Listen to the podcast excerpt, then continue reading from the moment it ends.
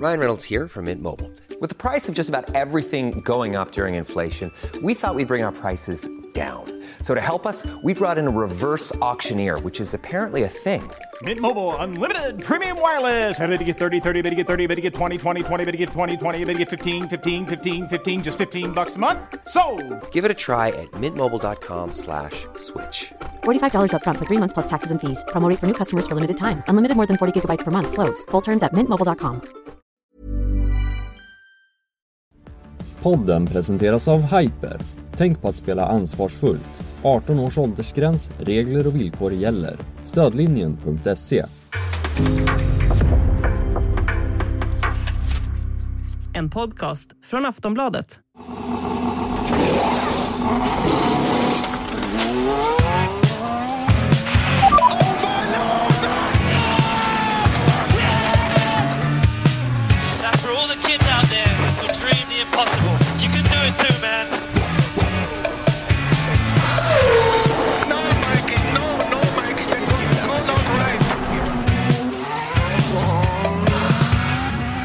Claps and steering wheel. Steering wheel, claps and steering wheel here. Hallå och supervälkomna till Sportbladets nya F1-podd som vi kallar för Plattan i mattan. Jag heter Filip Lindfors och eh, mig har ni sett i diverse sammanhang, kanske i rutan på Sportbladets olika medier tidigare. Men jag ska inte göra den här F1-podden ensam, utan jag har med mig motororaklet Motor-Anna Andersson. Hallå! Hallå, hallå! Det där var ju en fantastisk introduktion. Orakel, jag känner mig som Fader Fouras ungefär. Ja, Fadde Fora, det är väl en liknelse som du kanske förtjänar. För att eh, är det så att man vill veta någonting om F1 så kan man ju alltid kolla med dig. Om det än så handlar om eh, racevinnare av senaste racet eller om det handlar om F1-historia eller om det kan handla om en mutter på en bakvinge så är det ju så att man kan alltid kolla med dig. Och därför känns det ju otroligt betryggande för mig att det är ju tillsammans med dig som jag ska göra den här F1-podden som kommer komma ut på Sportbladet en gång i veckan framöver där vi kommer snacka upp och snacka ner race och eh, snackisar som har hänt i veckan. Du har, ju, eh, du har ju synts rätt mycket på eh, Sportbladet med din blogg och eh, i alla motorsammanhang tidigare. Men det var väl fan i mig på tiden att det blir en podd angående F1. Hur känns det inför det? Ja, men det känns faktiskt jätteskoj att för en gång skulle få kunna eh, prata rakt ut och inte tänka efter innan. Eh, det är väl det som är den stora skillnaden. Nej, men skämt åsido, det känns jättekul att fortsätta att eh, utveckla motorsportbevakningen och F1-bevakningen på Sportbladet. Eh, bloggen har ju faktiskt levt i nästan tio år, vilket ju måste vara någon slags rekord i alla fall. Det är helt galet. Och intresset för den har, ja, alltså intresset för den har gått upp och ner, men det har alltid funnits ett stort intresse, framförallt eh, bland eh, antingen de, både de människor som har sett och älskat Formel 1 sedan 70-talet och de som faktiskt har tillkommit och har en liten annan syn på sporten. Som det är ett helt gäng som har kommit till här efter Drive to Survive. Och det är ju jätteskoj att det finns ett sån otrolig spännvidd. Ja, och jag skulle säga det att jag är ju liksom uppväxt på 90-talet där tvn alltid stod på och det enda man kunde se på helgen om man hade ettan, tvåan, fyran och inget mer så var det ju F1 eh, som stod på under, under helgerna i Katrineholm för mig. Och, eh, så, så jag har ju i, jag kommer ju från eh, Mika Häkkinen och David Coulthard, Jack Villeneuve, Eddie Irvine och Damon Hill och Rubens Barrichello.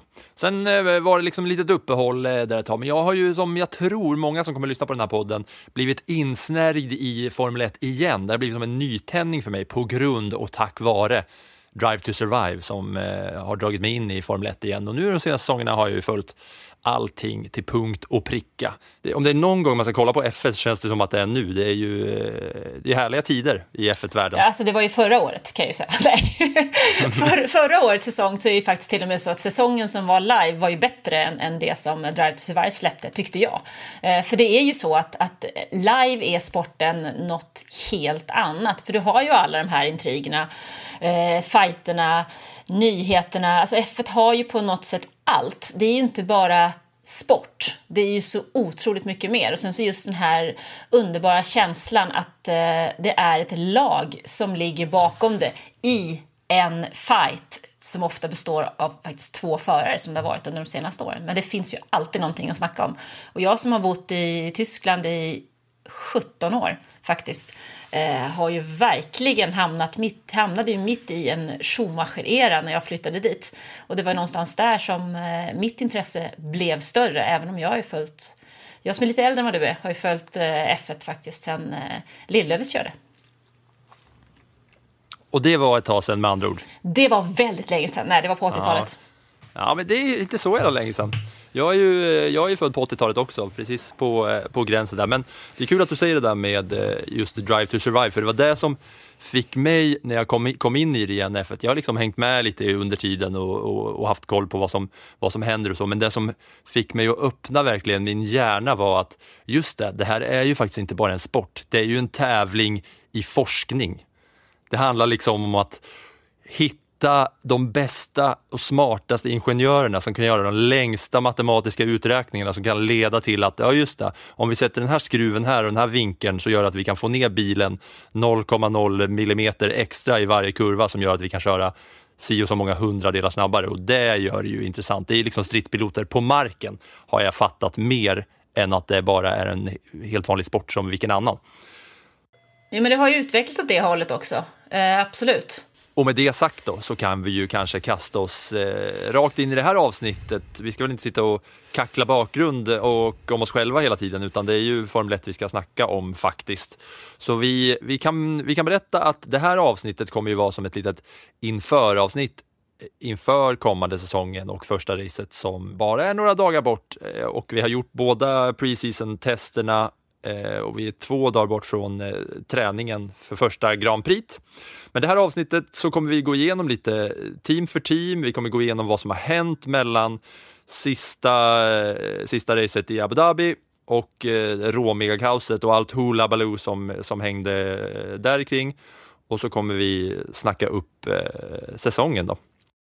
Så jag tycker att vi kan, eh, vi kan lika gärna kasta oss in, in i den största nyheten och den stora, stora, stora förändringen kring det som kommer till eh, säsongen som, som drar igång nu. Då. Och då är det det här som man har pratat om, nya eran. Då tänker jag att eh, det kan ju vara bra att veta, för jag, man, man känner ju till att eh, det är olika eror inom eh, Formel 1, men man vill ju veta varför och hur och hur det, hur det ligger till. Man har, ju pratat, man har ju pratat mycket om att bilarna görs om från grunden.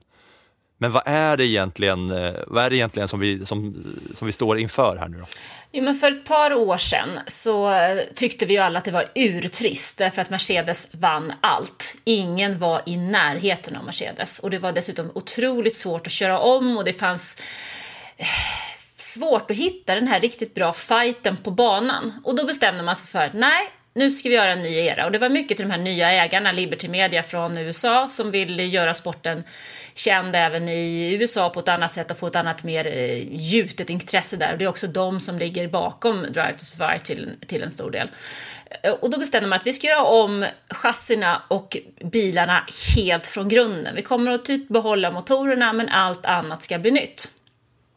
Och det var där i den här förändringen kom. Man vill ha en bättre show på banan, man vill ha fler, fler fighter man mot man.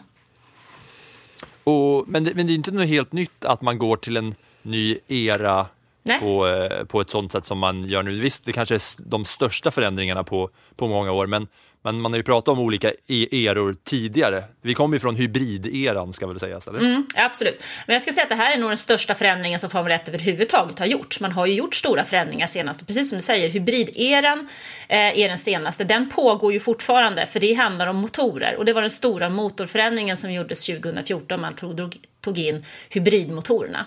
Och i varje sån här era som vi har haft, eh, när vi har haft en förändring, så har det ju skett saker och ting i fältet. Man har haft ett team som har dominerat och så har det kanske inte alls blivit så.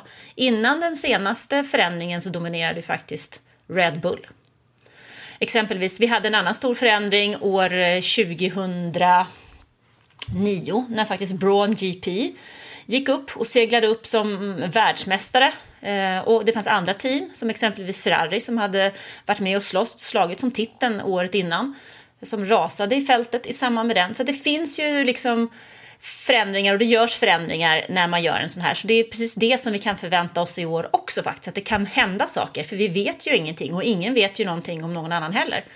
Eh, och vad tester eh, anbelangar så vet vi ju att tester är tester och ska egentligen inte alls tittas på med speciellt stort allvar, för ingen vet vad någon annan testar.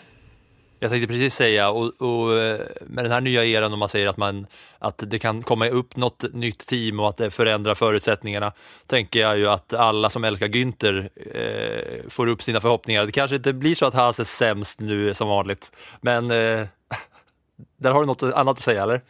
Alltså, vem vet? Alltså, eh, Mick Schumacher var ju, hade ju den andra snabbaste tiden på det här eh, sista testet då, och han var ju otroligt eh, positiv efteråt. Och det vi ska komma ihåg när det gäller Haas, alltså jag tror ju inte att de blir eh, det bästa teamet, det tror jag inte. Men de har ju ett väldigt tajt samarbete med Ferrari och eh, när det här budgettaket klev in, som också är nytt för i år, Eh, eller nytt för förra året egentligen, men man har sänkt det lite mer i år, så behövde Ferrari flytta på lite folk, för de hade för mycket folk och då flyttade man dem till Haas.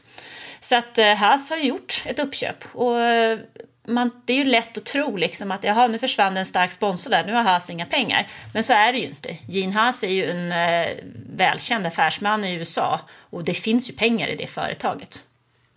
Ja, det, det som är roligt med Haas är ju att det, jag kan inte tänka mig att det finns någon annan sport där någon, ett lag eller team är så överlägset sämst inom eh, sådana här, para, pa, liten parentes då, men ändå så populära på grund av då Drive to Survive här. Tack vare att Günther är en sån eh, färgsprakande och rolig individ. Va?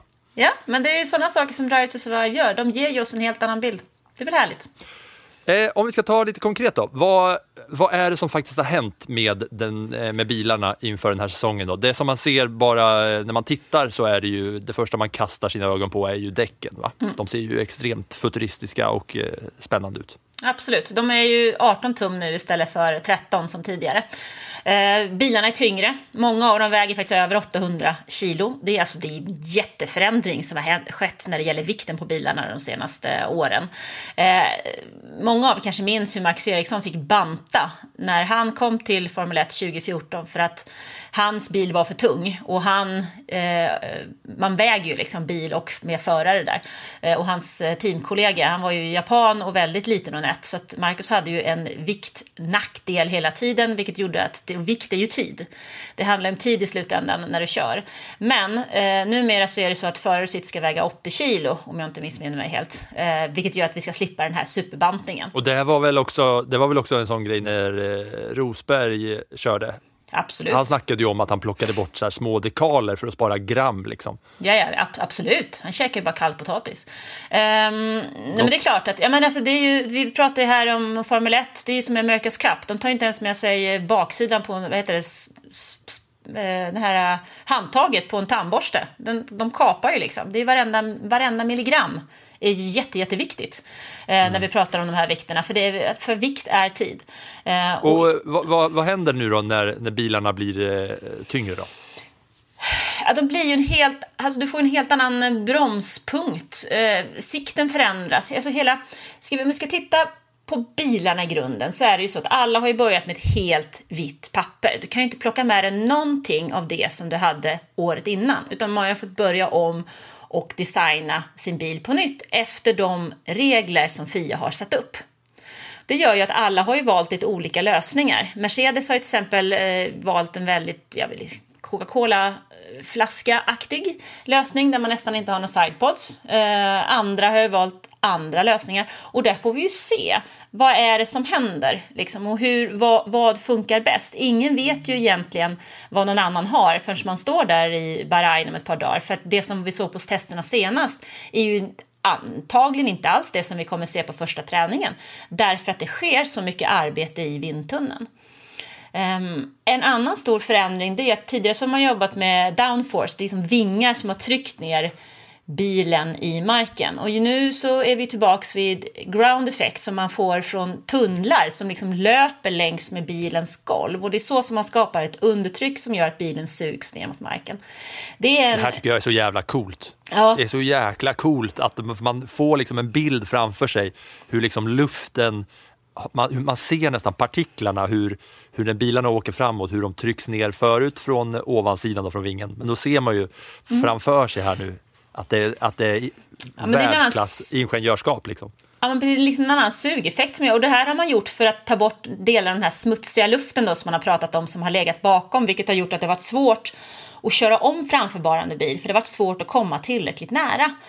Um, så att, man, då har man ju haft det här som eh, kallas för DRS, då, den här vingen man flyttar ner, som gör att man får en extra skjuts om man är tillräckligt nära framförvarande bil. Drag Reduction System ska sägas. Alltså. DRS är ju något som man hör mycket, men man kanske är lite osäker på det ibland. DRS, Drag Reduction System. Mm. Och det har man ju då för att få för lov att köra om. Och målsättningen är att man ska ta bort det där så småningom, att fighten ska vara tillräckligt bra på banan ändå.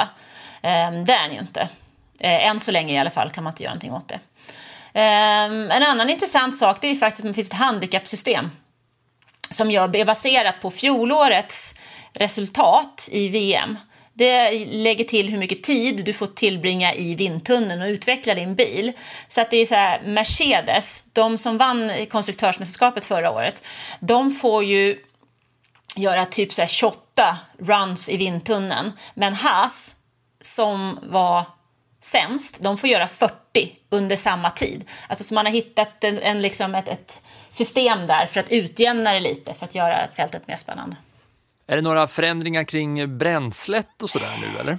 Ja, alltså där det, blir, det sker ju vissa förändringar när det gäller bränslet också för det, sporten ska ju bli mer miljövänlig, absolut. Men det som jag framförallt kan tycka man ska, kanske ska ta upp det är att vi som har sett eh, F1 ett tag, vi har ju vant oss vid att eh, när man kör i Q2, alltså det andra kvalsegmentet och tar en plats bland de tio bästa så måste man starta loppet på de däcken man körde då.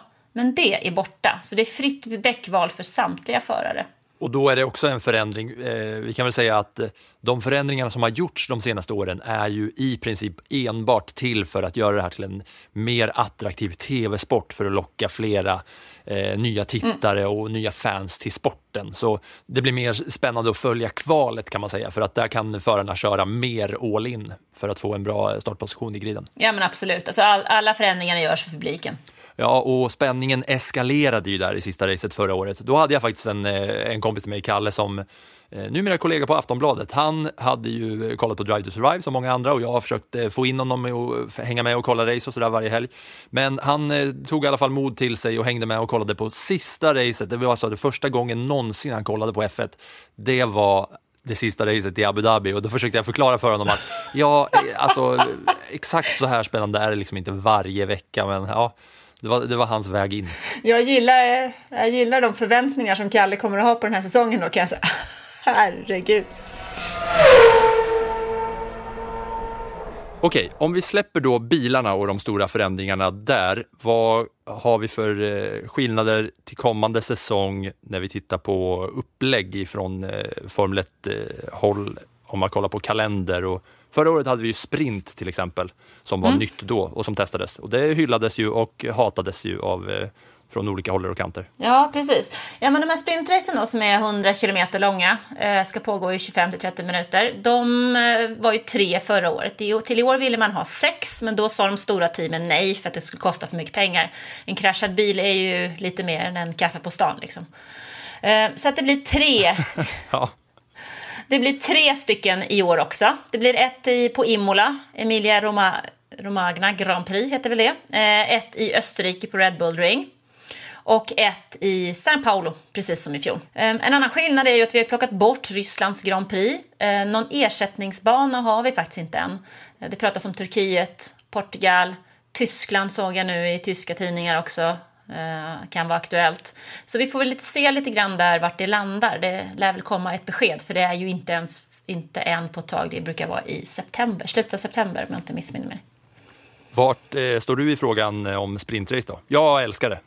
Alltså jag tycker också om det. Så länge det, så länge det håller sig till ett par, tre, fyra, fem kan jag väl också ta på en säsong. Liksom. Det är väl alltid kul med lite förändring. Um, och jag, en annan nyhet där är ju att det faktiskt blir fler poäng i år. Den som, det är topp 8 som får poäng det här året. Förra året var det bara topp 3. Så att, uh, nej, men varför inte? Alltså, Formel 1 måste ju utvecklas precis som allt annat. Ja, och utvecklas. Det gör ju sporten också. Dels av att förare slutar och det tillkommer nya och eh, vissa förare byter team från det ena till det andra. Så därför ska vi nu kika lite närmare på vad som har hänt sedan det sista racet förra säsongen inför kommande säsong här nu. Ja, alltså Kimi Räikkönen är ju inte kvar. Det sörjer jag ju, för han är ju en personlig favorit, även om det var ett helskotta att få killen att prata. Men eh, det lyckades till slut, ofta. Han är, liksom, han är liksom gullig när han snackar på något sätt. Ja, gullig vet jag. Jag tror inte jag skulle beskriva Kimi Räikkönen som gullig Nej, men på jag, något sätt. jag, jag, jag, stå- jag, står för, jag står för det. Han, jag tycker han är gullig när han snackar. Jag tycker han är skön. Cool typ, gillar jag. Um, så att, uh, han är ju tyvärr borta. Han ersätts ju av en annan finländare då, uh, Valtteri Bottas. Och han går ju från toppen till uh, botten, Bottas. Um, Alfa Romeo lär få det lite tufft i år, tror jag. Plus att uh, han får en nykomling till teamkompis. Um, det är en kines som heter Chu. Första kinesen i Formel 1. Han har med sig ett starkt bidrag och många sponsorer från eh, Kina men är väl egentligen ingen sån här jättetalang. Så att, eh, eh, ja, han får nog bekänna färg om man säger så. Ja, om vi kollar på, eh, på Alfa Romeo där, så både Räikkönen och Giovinazzi får ju, får ju dra så att säga. Och man pratar ju ofta om en liksom akklimatiseringsperiod och för nya förare som ska vänja sig vid en ny bil. Och då för Bottas kan jag tänka mig att gå från den, alltså gå från den bästa bilen till en av de, de sämre så att säga. Det måste vara rätt stor skillnad i, i känsla där för honom. Ja, men det är det väl säkert. Fast samtidigt ska du komma ihåg att han kommer från Williams. Då var i och för sig Williams bättre än vad de varit de senaste säsongerna. Men killen kan ju jobba. Alltså han vet ju hur man jobbar med en bil som kanske inte är helt färdig. Och med tanke på de tuffa år han har haft hos Mercedes där han egentligen aldrig haft en chans att vinna. För att eh, det är otroligt svårt gentemot Hamilton på alla sätt och vis och jobba. Så att, eh, tror jag att det kan vara bra för honom. Eh, han har ett mångårigt kontrakt, vilket jag tror att han trivs med bättre också, för han har inte gillat pressen. Nej. Och någon som får ta över den pressen då? Ja, men det får ju George Russell göra och det blir lite spännande. Han kommer ju från Williams, han har suttit där och väntat och väntat och väntat och väntat. Fick göra ett inhopp i Mercedes eh, 2020 när Hamilton hade covid. Och då var han på väg att vinna det racet, men det sprack ju en punktering. Så att... eh... Ja, det såg ju, det var ju eh, extremt spännande där när han, när han gick mot, eh, när han gick mot den placeringen där. Ja. Då, det var ju hjärtskärande på något sätt ändå. Ja, samtidigt så var alltså på något sätt kan jag också tycka att det var lite skönt att han inte vann, för då hade man bara tänkt att ja, ja, det är bilen. Ja, det är sant. Nu kändes det ändå som att ja, han körde inte den bilen på rätt sätt. Det krävs ändå något mer än att bara sätta sig i den liksom.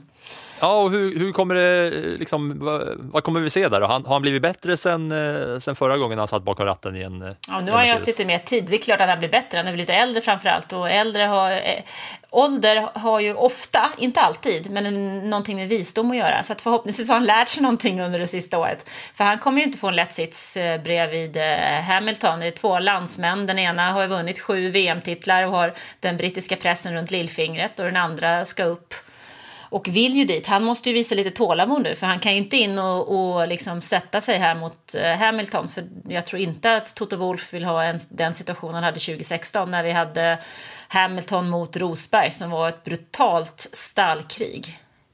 Som pågick en hel Nej, men och, och, och just det eh, känns ju som, som en riktig eh, balansgång då för Russell att gå. Att komma in då och ersätta Bottas som har varit så tydlig och bra lagspelare som enbart har varit där för att eh, liksom sopa väg för, för Ja. Hamilton. Ja, men sam- Samtidigt, så, samtidigt som Ru- Russell har egna ambitioner och eh, såklart måste se sig själv som liksom framtida världsmästare och så vidare.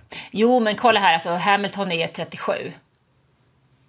Alltså... Det kan man inte tro alltså när man tittar på den jäveln. Nej, men han är 37. Han har hållit på med det här, alltså han kom till Formel 1 2007. Han, det är liksom en evighet sen han var, blev torr bakom öronen. Så någonstans är det ju så att vinner han den här åttonde titeln nästa år så finns det garanterat någon slags klausul som säger att ja, då kan han lägga ner efter det eh, utan att bryta något kontrakt. Så att för Russell handlar det egentligen det här året om att pusha, hjälpa teamet, bygga upp Hamilton och sen ta över som kronprins och britt liksom, i ett tyskt team men som har sin bas i England. Så han får ju vara lite smart helt enkelt. Så det handlar ju bara om att han ska klara av att vara så tålmodig. Men det är väl kanske där problemet ligger. Tålamod. Russell är alltså född 98. Då är han 24, så eh, Hamilton är född 85. Ja, han har ju ett par år på sig att eh, värma de där däcken i sin bil, om han nu blir kvar sådär. Ja, men så det, han får ju vara lite, lite smart här va, så kommer han ju klara det alldeles utmärkt. Och jag tror någonstans att eh, Toto Wolf vet vad han gör. Och sen så har vi en Drive to Survive-bekanting som kommer tillbaka. Thai-britten Alex Albon. Ja, det är väl kul att se honom igen. Han eh, klarade ju inte av... Jag tycker, mest det, jag tycker mest det är kul att säga thai-britt. Ja. ja, han är ju en, han är en lite försynt kille. Eh, jag vet inte, varför gillade du honom egentligen? Nej, jag tycker bara det är kul att säga thai-britt. Att han är thai-britten Alex Albon. Jag tycker det är roligt. Ja, ja. Thai-britt. Ja. Han känns, de är ju ett litet kompisgäng där också. Han och eh, Russell och eh, Norris. Ja, men det är lite unga grabbar som har kört ihop under ganska många år. Men eh, ja, det intressantaste med den värvningen tycker jag väl egentligen är att, att liksom Red Bull har kunnat in och fixa in en förare i ett team som kör med en motor från Mercedes.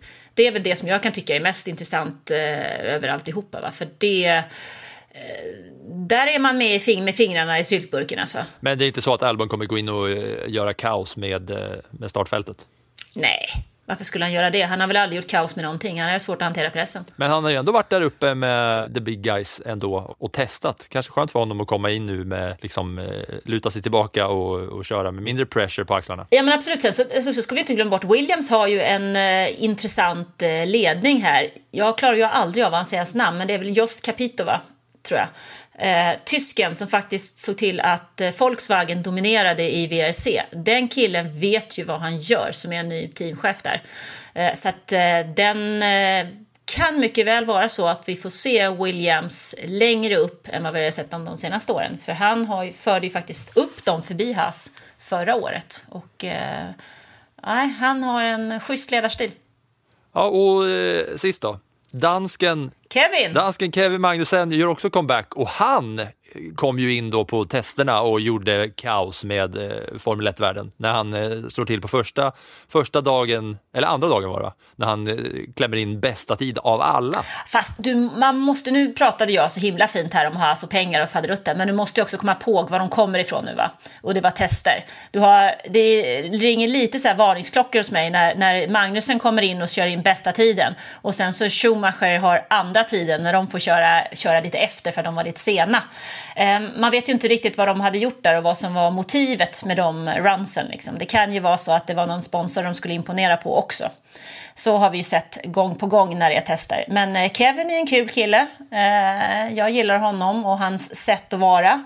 Eh, både on och off track. Ja, och nu är han i alla fall tillbaka. När Yes, eh, Nikita. Mazepin fick, dra, Mazepin fick eh, dra åt helvete helt enkelt. Men du, lite kul är det väl ändå att vi har Magnusen, eh, Schumacher och Verstappen i startfältet. Det hade vi på 90-talet också ju, fast då var det farsorna. Ah, det är tre stycken. Yes, yes! Och dessutom har papporna Ja. kört mot varandra. Ja, det är ju, det är ju magic ändå. Ja, men det är ju det. Det är lite charmen ändå. Men eh, Magnusen, eh, den som eh, vars farsa eh, mest under radarn kanske för nytillkomna. Ja, Jan Magnusen ja. Eh, han körde där på, eh, på 90-talet. Hans största framgångar har kommit i eh, sån här 24 timmars racing efter det. Eh, Ryan Reynolds here from Mint Mobile. With the price of just about everything going up during inflation, we thought we'd bring our prices down. So to help us, we brought in a reverse auctioneer, which is apparently a thing. Mint Mobile unlimited premium wireless. Ready to get 30, 30, bit to get 30, bit to get 20, 20, 20, bit to get 20, 20, bit to get 15, 15, 15, 15 just 15 bucks a month. So, Give it a try at mintmobile.com slash switch. $45 upfront for three months plus taxes and fees. Promo rate for new customers for limited time. Unlimited more than 40 gigabytes per month. Slows. Full terms at mintmobile.com. Eh, Michael Schumacher känner vi alla till. Eh, sju VM-titlar. Och eh, Jos Verstappen eh, hade väl en större mun än vad han klarar av att köra bil. Om man säger så. Hans son är något bättre. Mm. Vi tar oss vidare till våran stall för stall genomgång.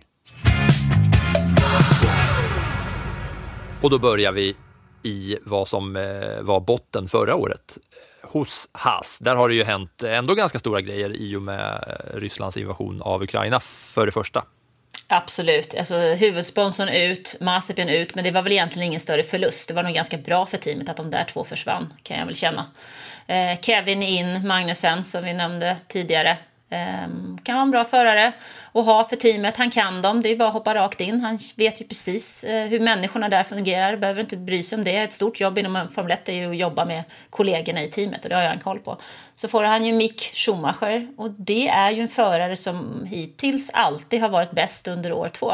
Har lite längre inlärningskurva men stabil grabb så att, det kan bli kul att se de två ihop. Det är också kul att Magnusen kommer tillbaka för att han har ju lite så kul banter med, med, med Günther också som, som man har sett innan. kan man ju kanske få, få ta del lite av på presskonferenser och grejer som, som faktiskt är underhållande. Ja men absolut och sen så Drive to Survive säsong 5 då, det är då vi får det.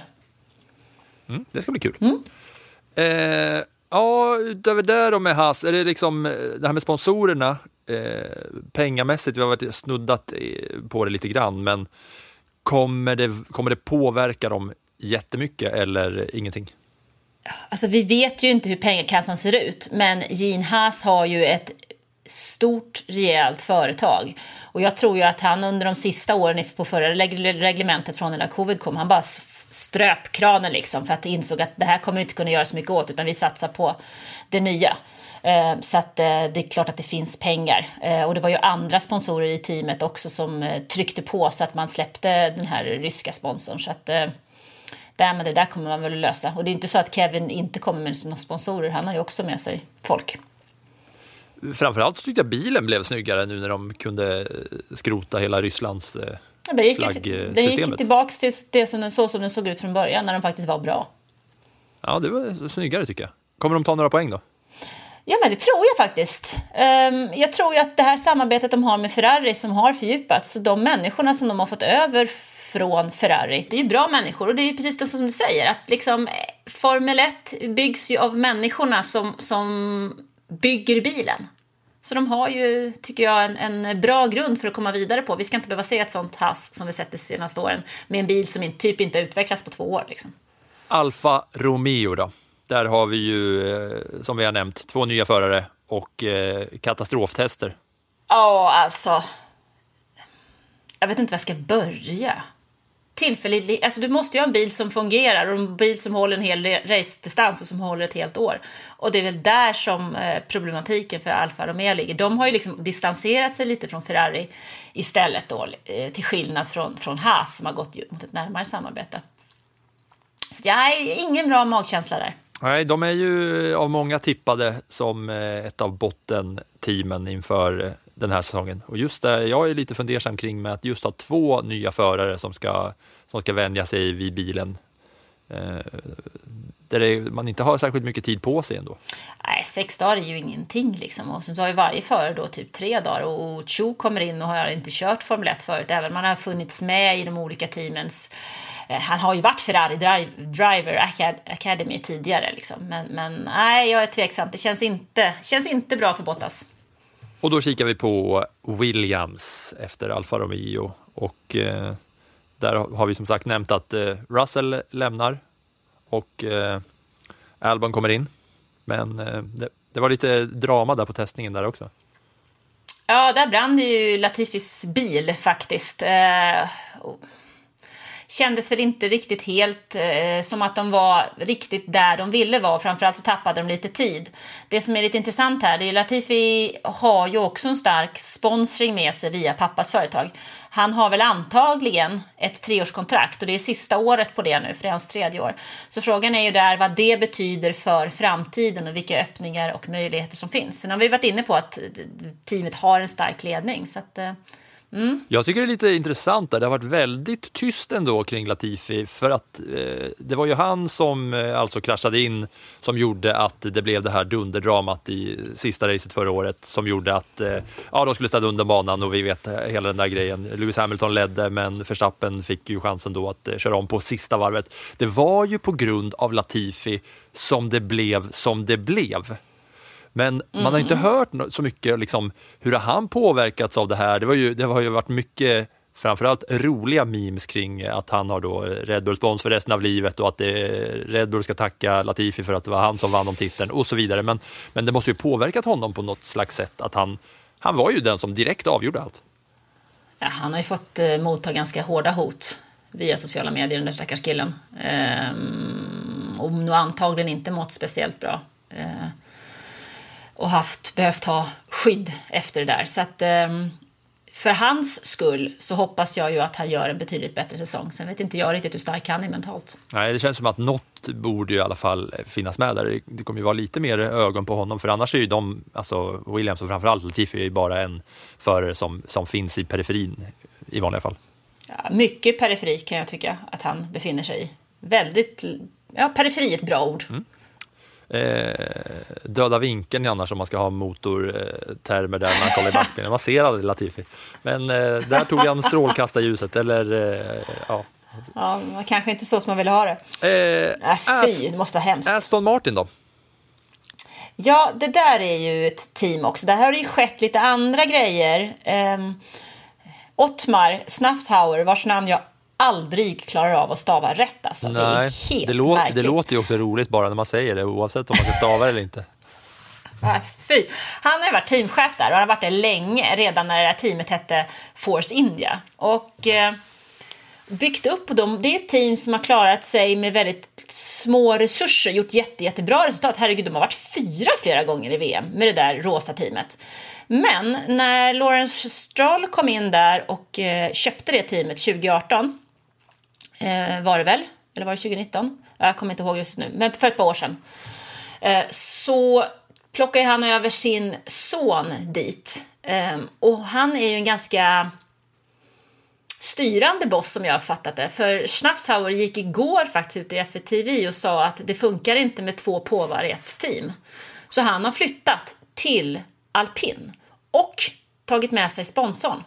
Så att vi kommer få se en rosa alpin. Mm, det tänkte jag att vi skulle eh, snudda vid när vi tog oss till alpin, men ja, det är ju, det är ju alltså, för att klargöra lite så var det ju Aston Martin inom citationstecken som var rosa innan Racing Point. Eh, Det var ju det som var själva övergången. Racing Point blev eh, blev Aston Martin och då var det ju, när det var Racing Point så var det en rosa bil, sen blev det Aston Martin och då försvann den här rosa bilen. Men nu har vi sett liksom en comeback av den där rosa färgen som är så eh, liksom eh, ja, men, ty tydlig, tydligt kopplad då till eh, minnena till Racing Point. Mm, nej, helt galet. Det är, en, eh, det är en tysk sponsor som gillar rosa. Så att eh, där har ju liksom, vad, vad händer då hos Aston Martin när deras eh, starka eh, man försvinner till ett annat team? Det vet vi ju inte riktigt. Eh, I nuläget så känns det som att det varit mer fokus på Sebastians Vettels hjälm som han hade en eh, fågel på, en fredsfågel. Eh, som råkade vara en eh, flagga från Nordcypern än vad det har varit på deras bil. Eh, nya teamchefen då? Mike Crack, Ja, det är också ett Mike jävla namn. Crack, äh, Crack, det är ju faktiskt fantastiskt Han heter alltså namn. Micke Crack. Klassiska teamchefen. Nu ska vi gå över till Aston Martin och teamchefen Micke Crack. Vad har du att säga om helgens race, Micke Crack?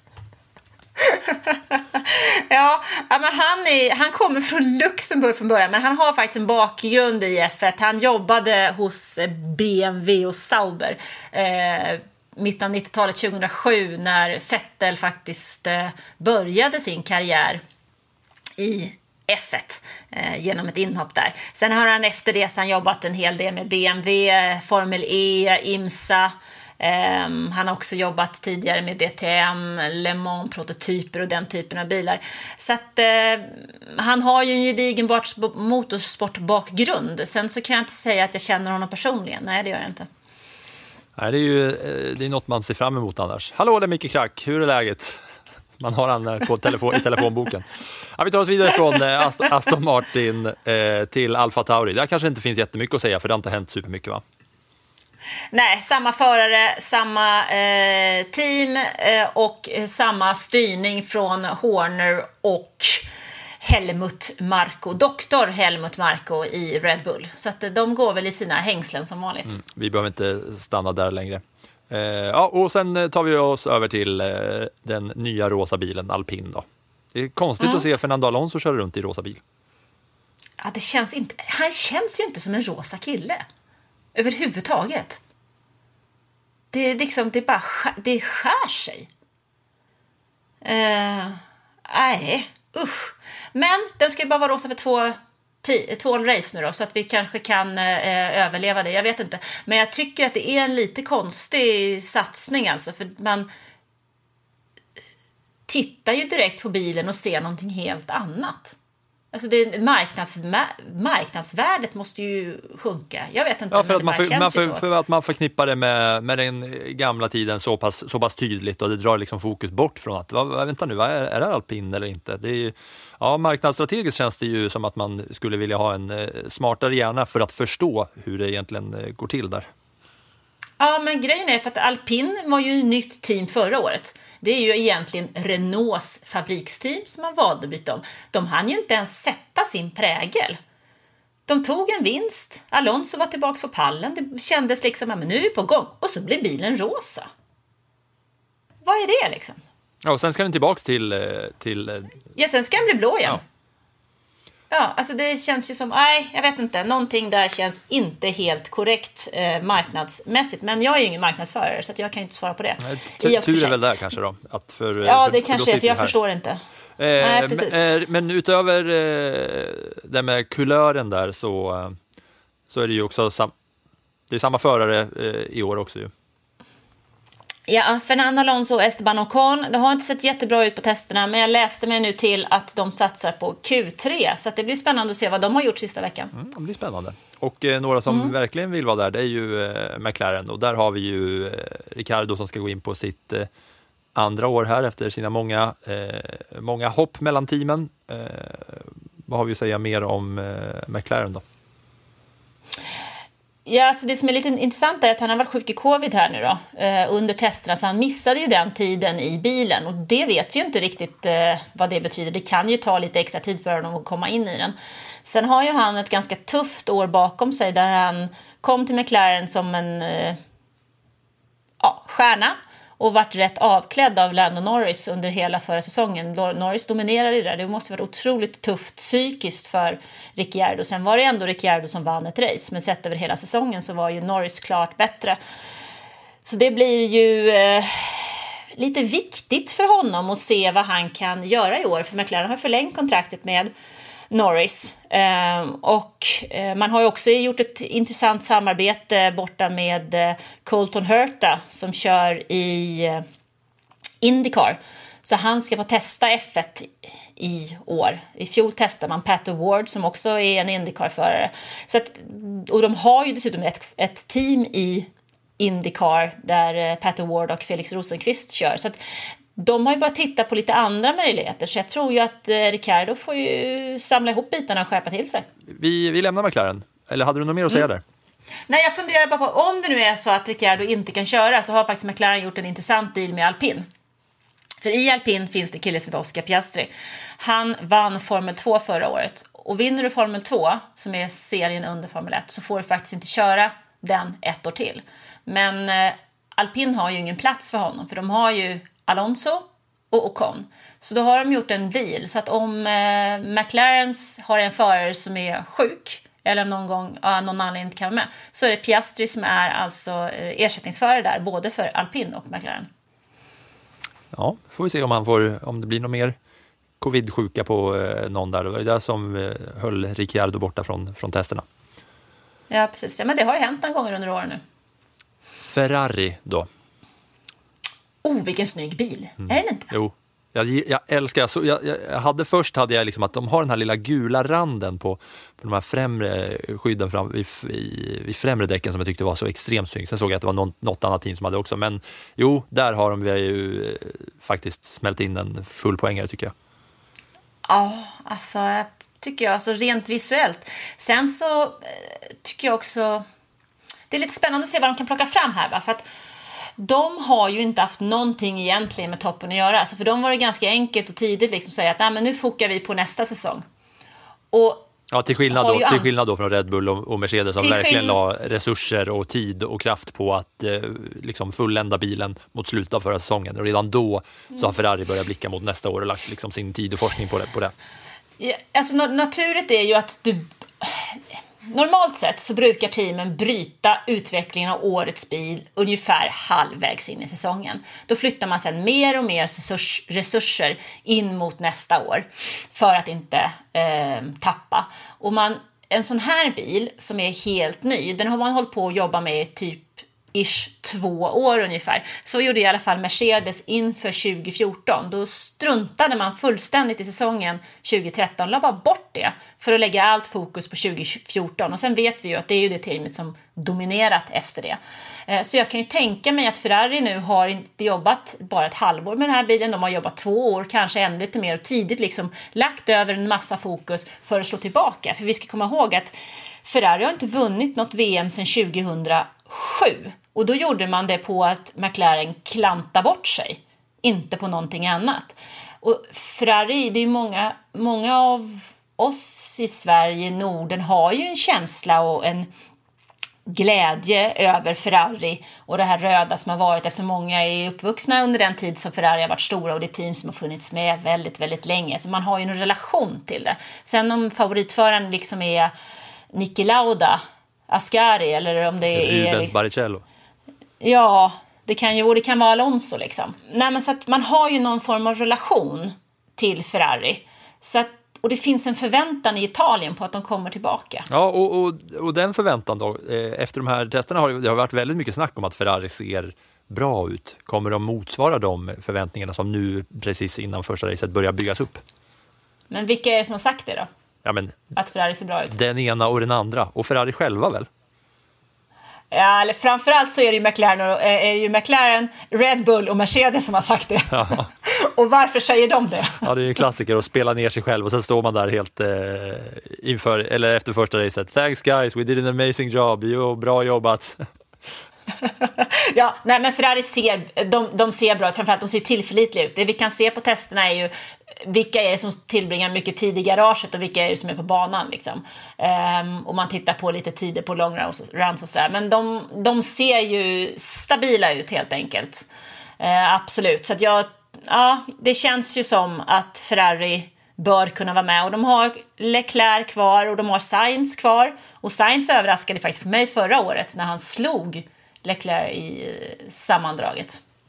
Ja, det ska bli kul att följa. Vi är ju på eh, den kanske av många nu förväntade topp eh, top tre här när vi tar oss till eh, Red Bull.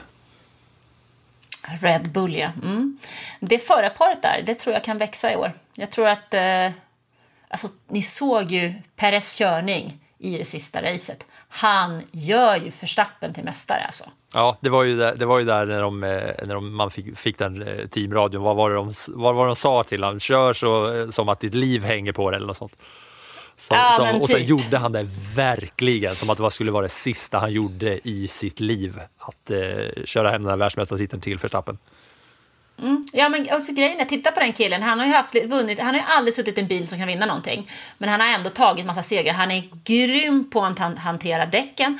Och får han bara ordning på det. Det var ju lite, det var ju tufft för honom att komma in i Red Bull och ett team som liksom har styrt allt på Verstappen. Så det är klart att det tog lite tid. Men han väl får ordning på det. Han kommer bli den perfekta teamplayen. Och Verstappen kommer att vara sjukt nöjd. Ja. Han kan inte få en bättre teamplayer. Nej, men och, det, och det är ju som sagt det är ju redan upplagt för att eh, Perez, Perez kör för Verstappen. Liksom. Att hans, hans uppgift är att se till att Verstappen tar mest poäng och eh, sen kunna köra hem konstruktörsmästerskapet och som, som de måste väl blicka framåt mot nu när de har tagit, eh, när de har vunnit det individuella. Ja men det måste man alltid blicka fram emot för det är där pengarna finns. Mm. Nej, Ja, men vad har vi mer att säga om eh, Red Bull då? Snabbast på testerna. Ja, men det är som vanligt. Tester sig inte så jäkla mycket egentligen. Men eh, jag kan inte tänka mig att Red Bull skulle vara någon annanstans än i toppen. Och att eh, det känns inte som att Verstappen har tappat sina eh, jedi-reflexer och han kör bilen lika bra igen. Nej, han, han är kvar i Star Wars, jag lovar. Och sist ut då. Mercedes ja.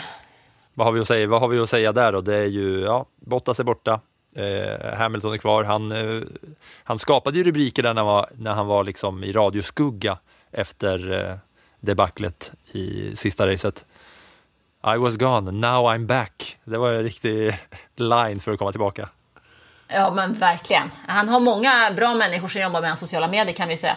Ehm, det var väl skönt för dem att få paus i två, veck- två månader. Nej, men skämt åsido, han behövde nog det. Han behövde nu få lite tid för sig själv för att liksom resetta allting. Killen har ju en kamera i nyllet 24-7 liksom. Ja, men får han revansch eller? Det beror ju på hur bra Russell klarar av att hantera bilen och sin roll, tror jag. Ja, Nej, men det är ju som eh, många, eh, många som, liksom är, som har följt eh, F1 som vet ju att det, det har ju varit eh, Mercedes och nu senaste åren har det varit eh, Red Bull och Mercedes och om jag ska citera min, eh, min vän Kalle Vessla så sa ju han, han följer inte F1 så mycket, han har ju koll på rubrikerna, så har ju han bara sagt, äh, kan inte bara eh, Hamilton och Verstappen göra upp en celebrity boxing match istället? Då har vi ju missat allting. Ja, Vad är det för någonting? Äh, uselt. Men eh, det kommer vara Hamilton mot Verstappen som är, eh, som är det stora under året, eller? Ja... Eller är det Russell? det- Nej, Russell tror jag. Jag tror inte på det eh, av flera anledningar. Därför att eh, han måste nog hitta sin plats i det där teamet. Och det är nog inte att han ska putta bort eh, Hamilton nu. Liksom. Eh, ligger han bäst får han säkert köra till. Men jag tror att i första läget så handlar det om att hjälpa Hamilton till den där eh, åttonde titeln och växa in, växa in i rollen. Eh, faktiskt. För han har ju några år på sig den killen. Han är inte, han är inte speciellt gammal. Eh, om det är Hamilton mot Verstappen, ja det är säkert det som vi i media kommer att, att trycka upp i alla fall till en början. Men vi får se. Får vi säsongen så lång som vi vill ha den blir det längsta någonsin med 23 lopp. Det kan hända sjukt mycket. Och då kanske erfarenheten eh, Hamilton har kan hjälpa till att spela in. Ja, eller så kör de varandra banan så vinner Leclerc. Ja, det, ja, ni hör ju, kära vänner. Det, det blir ju spännande att hänga med. Va? Eh, det var vår lilla genomgång stall för stall som vi kallar det. Och vi eh, ska ha några små eh, kortisar innan vi är klara med dagens avsnitt.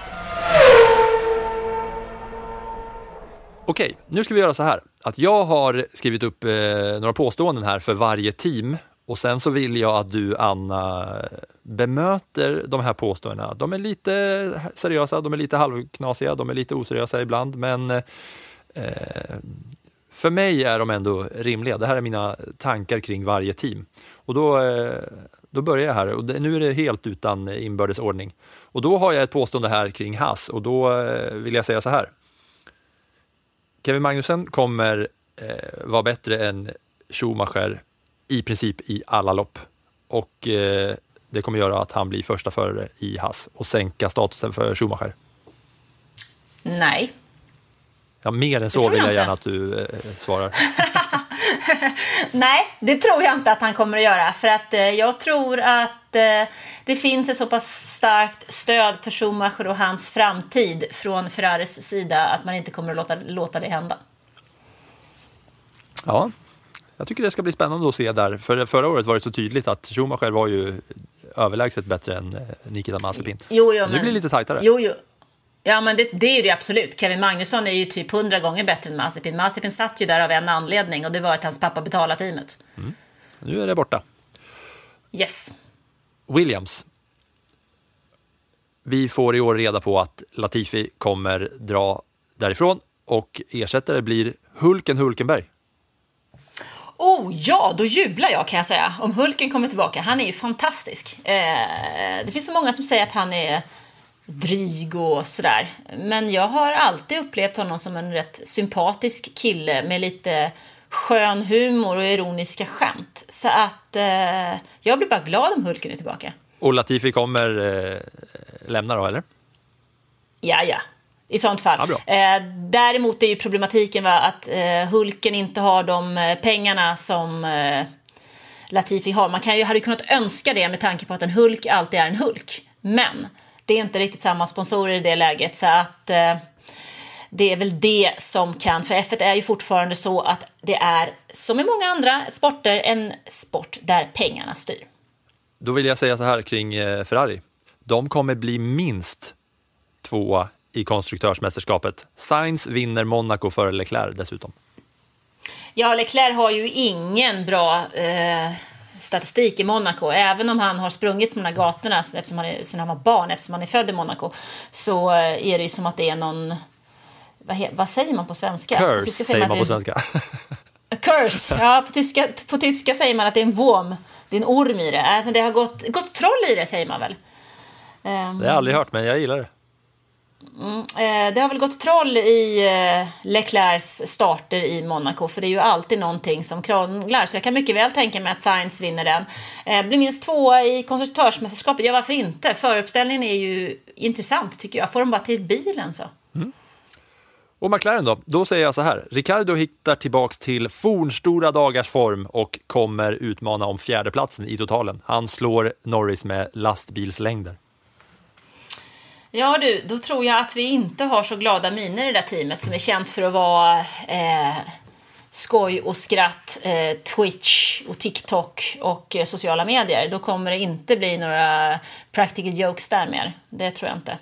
Utan... Eh, Då blir Norris krä- kränkt om eh, Ricardo blir bättre än honom. Det tror jag, jag tror faktiskt det. Utan att jag vet så kan jag tänka mig att det inte riktigt passar in i hans eh, tankesätt. Vad tror du om det då? Möjligt? Att Ricciardo slår Norris Med lastbilslängder? absolut- Ja, nej. En liten Porsche kanske? Ja, ja spännande. Eh, I alpin så vill jag säga så här. Eh, Fernando Alonso gör en eh, Räikkönen. Och då, är det, och, och då är det inte att han kör iväg utan handskar och eh, steering wheel utan att han, han, han lägger ner. Det är ju inte omöjligt. Samtidigt har jag faktiskt öppnat för en förlängning. Ehm, Alonso, till skillnad från Räikkönen, har ju inte familj och barn utan F1 är ju på något sätt hans liv. Han testade ju att leva utan när han körde väck och höll på att testa till Indy 500 och så, men på något sätt ville han ju tillbaka. Trots de här åren han hade i McLaren som var skit på ren svenska. Så att eh, jag tror nog att om han får välja så är han nog klar, kvar. Men frågan är om beslutet är hans. Mm, och då ska man säga att jag var lite rätt på det på något sätt. I Alfa Tauri vill jag säga så här. Pierre Gasly kör till sig en ny chans och plats i Red Bulls stora team. No, never ever. Nej, det är kört för evigt alltså. Ja, men det tror jag. Alltså, han, ska han vinna VM så får han nog välja sitt annat team. Då kan det vara eh, mer troligt att alpin, han kliver över till alpin i det läget. För att jag tror inte, alltså Red Bull med framförallt Helmut Marko som gillar att sätta press på folk. Han är ju ingen jättefan av Gasly och Gasly klarade ju inte av det. Han var ju för ung när han kom dit. De knäckte ju killen. Ja, spännande. Då vet jag att eh, då var jag helt snett på det där. Alltså. Får vi se om jag är med på det här. Eh, I Alfa Romeo så säger jag att Bottas tar noll poäng den här säsongen och bevisar att eh, bilen gjorde föraren under hans tid i Mercedes. Ja, att Bottas tar noll poäng är ju ingen omöjlighet. Eh, däremot så kan, ja, bilen gjorde nog föraren till mångt och mycket. Samtidigt är Valtteri Bottas ingen dålig förare, för han gjorde ett jättebra jobb i Williams innan han kom till Mercedes.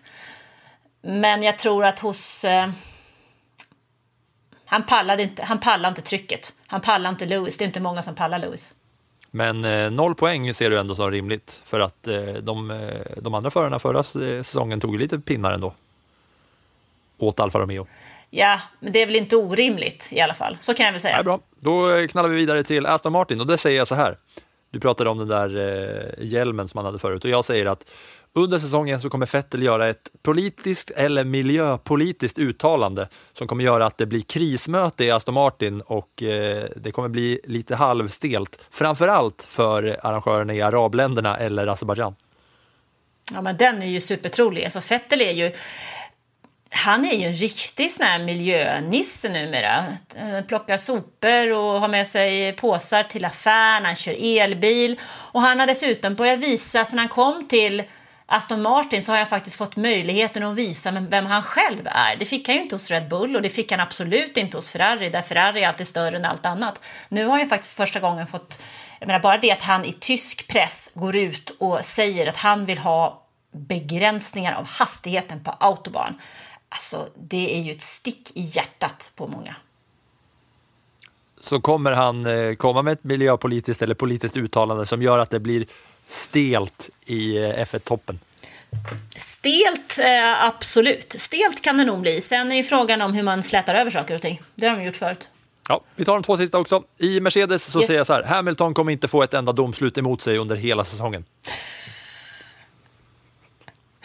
Ehm, det kommer han, därför att han kommer att uppleva att han får domslut emot sig när det inte går som han vill. Sen om det är rätt eller fel, det är en annan sak. Ja, så det kan vara så ändå i alla fall, beroende på vilka ögon man tittar med. Ja, ja, visst.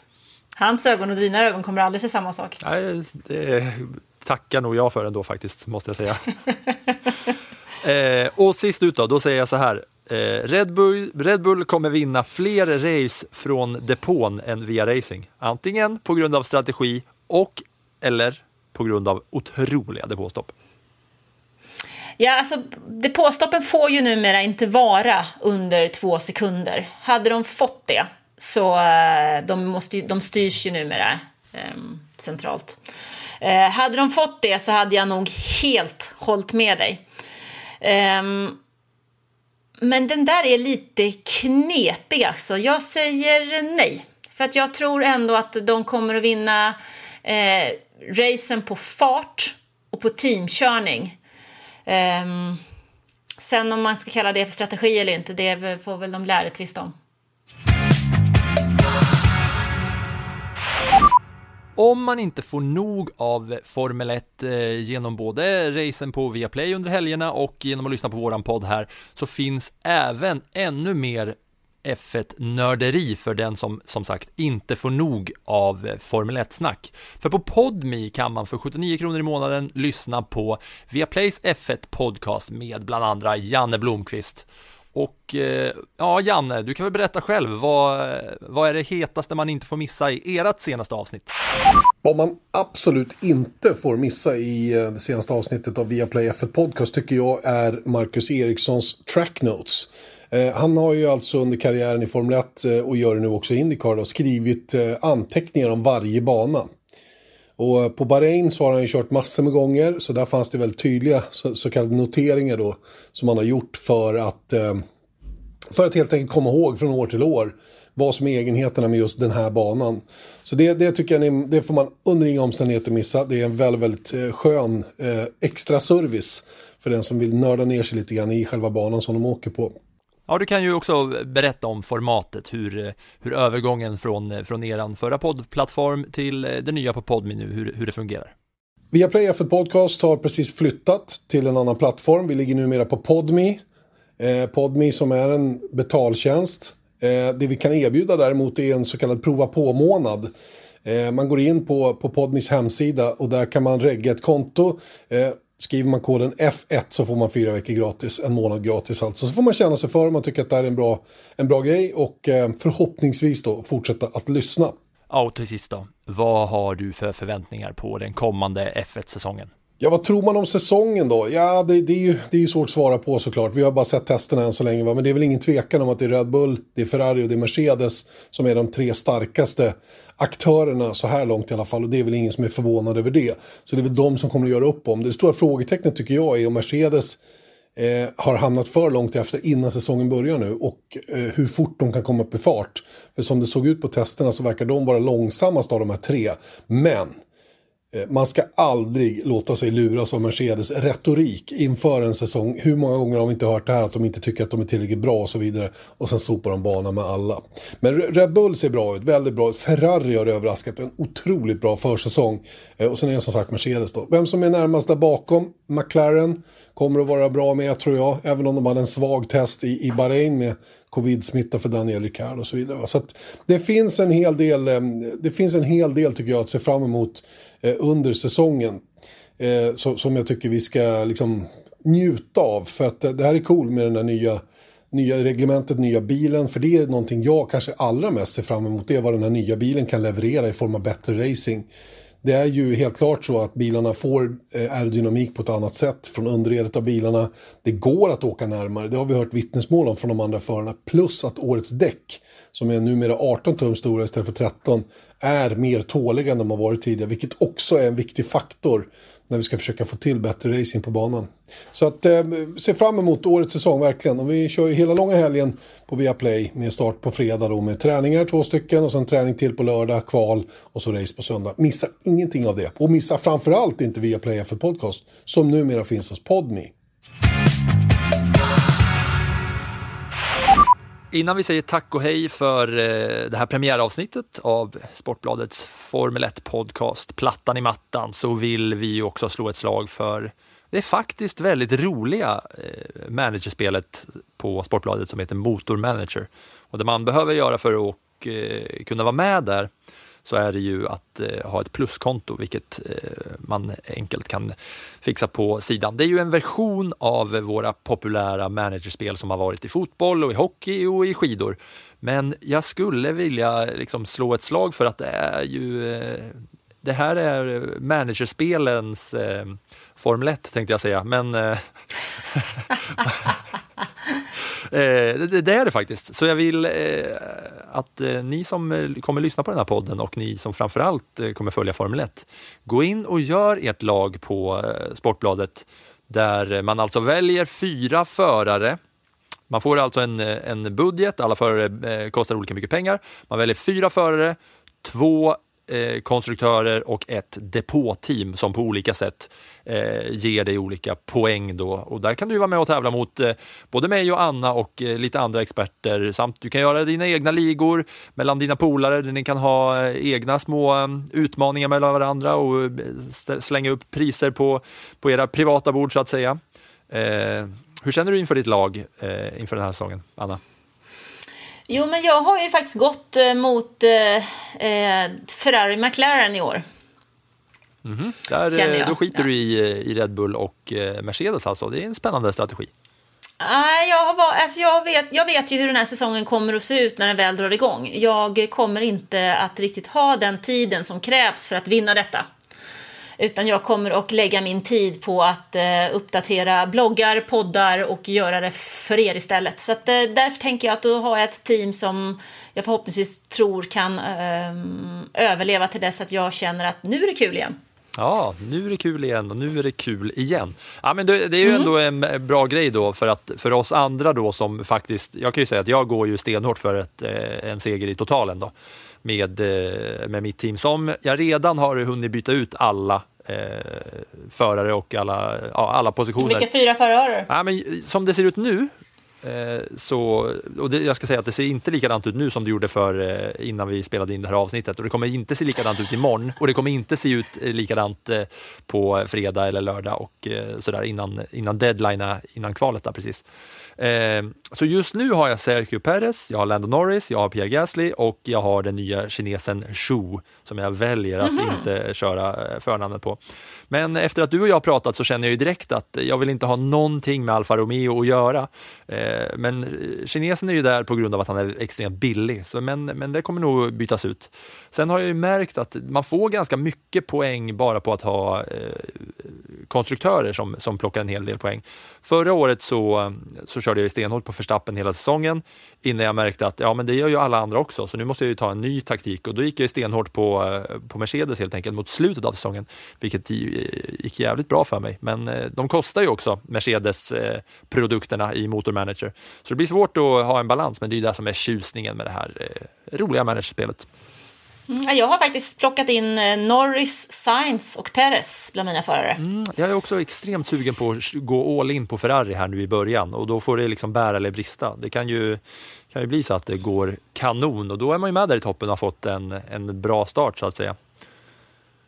Ja, men det är lite så. För jag känner att någonstans så känner jag också att Ferrari är ju. Jag tror faktiskt på Ferrari i år och kan de eh, kan de göra lite av det som jag förväntar mig så vore det roligt att kunna... Det är kul att göra något annat än Mercedes Red Bull kan jag tycka. Mm, verkligen. Och det är också kul när man, jag kan säga att det är också extra kul när man kollar då på racen. För då har man inte bara fullt fokus på toppen utan man håller på sina egna förare. Liksom. Så man kan ju vara med där i botten eller i slaget om tionde platsen och, och känna att det är extremt spännande om det är så att man sitter på ja, mot alla odds att man skulle sitta på någon eh, liksom, periferiförare som Latifi eller sådär, så kan man ändå sitta och heja på, på eh, några takeovers som, som ger poäng och sådär.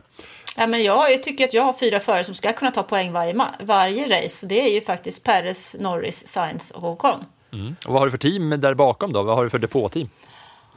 Eh, depåteamet har varit Walt Williams, för de brukar faktiskt inte vara så pjåkiga. Ja, spännande. Jag körde, ju, jag eh. körde ju alla pengar på som sagt Hamilton eh, och Mercedes bil förra året, så jag körde ju Haas-teamet eh, i depån, vilket ändå faktiskt gav eh, lite poäng för den billiga pengen. Men det är ju taktiken man får lägga upp va? Ja, det där är ju, sen så som sagt, eh, ja, det är samma sak här. När jag tittar till det här igen om en stund, någon omgång eller så, för nu kommer jag ha brutalt mycket att göra fram till söndag. Så eh, kan det mycket väl hända att man ändrar. Och det gillar Det är ju också kul att man faktiskt kan ändra. Det ser vi ju extremt mycket fram emot. Ja, ni hör ju, det är bara att gå in och fixa era lag på sportbladet.se och ni kommer ju kunna följa hela den här säsongen på Annas motorblogg också som eh, ni garanterat hittar till. Det är bara att köra plattan i mattan så det ryker. va? Ska vi eh, säga tack så mycket för eh, det här premiäravsnittet. Vi kommer komma ut en gång i veckan eh, framöver där ni såklart får nedsnack från helgens race som har varit och vi kommer snacka upp kommande race. Vi kommer även såklart ta upp veckans snackisar och så vidare. Men vi vill ju extremt gärna höra att ni följer med oss och ni kan ju också hitta både mig och Anna på diverse sociala medier som vi kommer eh, länka er till på våra motorsidor. Va? Precis. Har du något mer som du vill eh, säga innan vi säger tack och adjö? Ja, vi ska faktiskt inte glömma bort att det är helgen, eh, säsongens första ovalrace i Indycar i helgen. Eh, de båda svenskarna, Marcus Eriksson och Felix Rosenqvist, kör i Texas. Ehm, och jag kommer väl att göra ett nedslag på bloggen eller två om det inför helgen, om man nu är mer sugen på Indycar än F1. Ja, och en annan nyhet för i år och Sportbladets Formel 1-bevakning är målservicen där du kommer kunna följa varje race under hela säsongen och eh, där Anna live-rapporterar och du även kommer få varvtider och eh, allt som eh, händer under varje lopp. Och då kan man även interagera med oss under hashtaggen plattan i matten ettan, F1. Så om man då eh, vill eh, skriva något till, till Anna eh, så, så gör man det på, på eh, Twitter eller sociala medier under hashtaggen plattan i mattan F1 alltså. Så eh, in och följ varje race och ha som en liten kompanjon där under helgerna när ni kollar på racen. Så med det så säger vi att vi kör väl plattan i mattan och tackar för alla som har lyssnat idag. Tack, tack för ert intresse. Tusen tack. Vi hörs nästa vecka. Hej då! Hej då! Du har lyssnat på en podcast från Aftonbladet. Ansvarig utgivare är Lena K Samuelsson.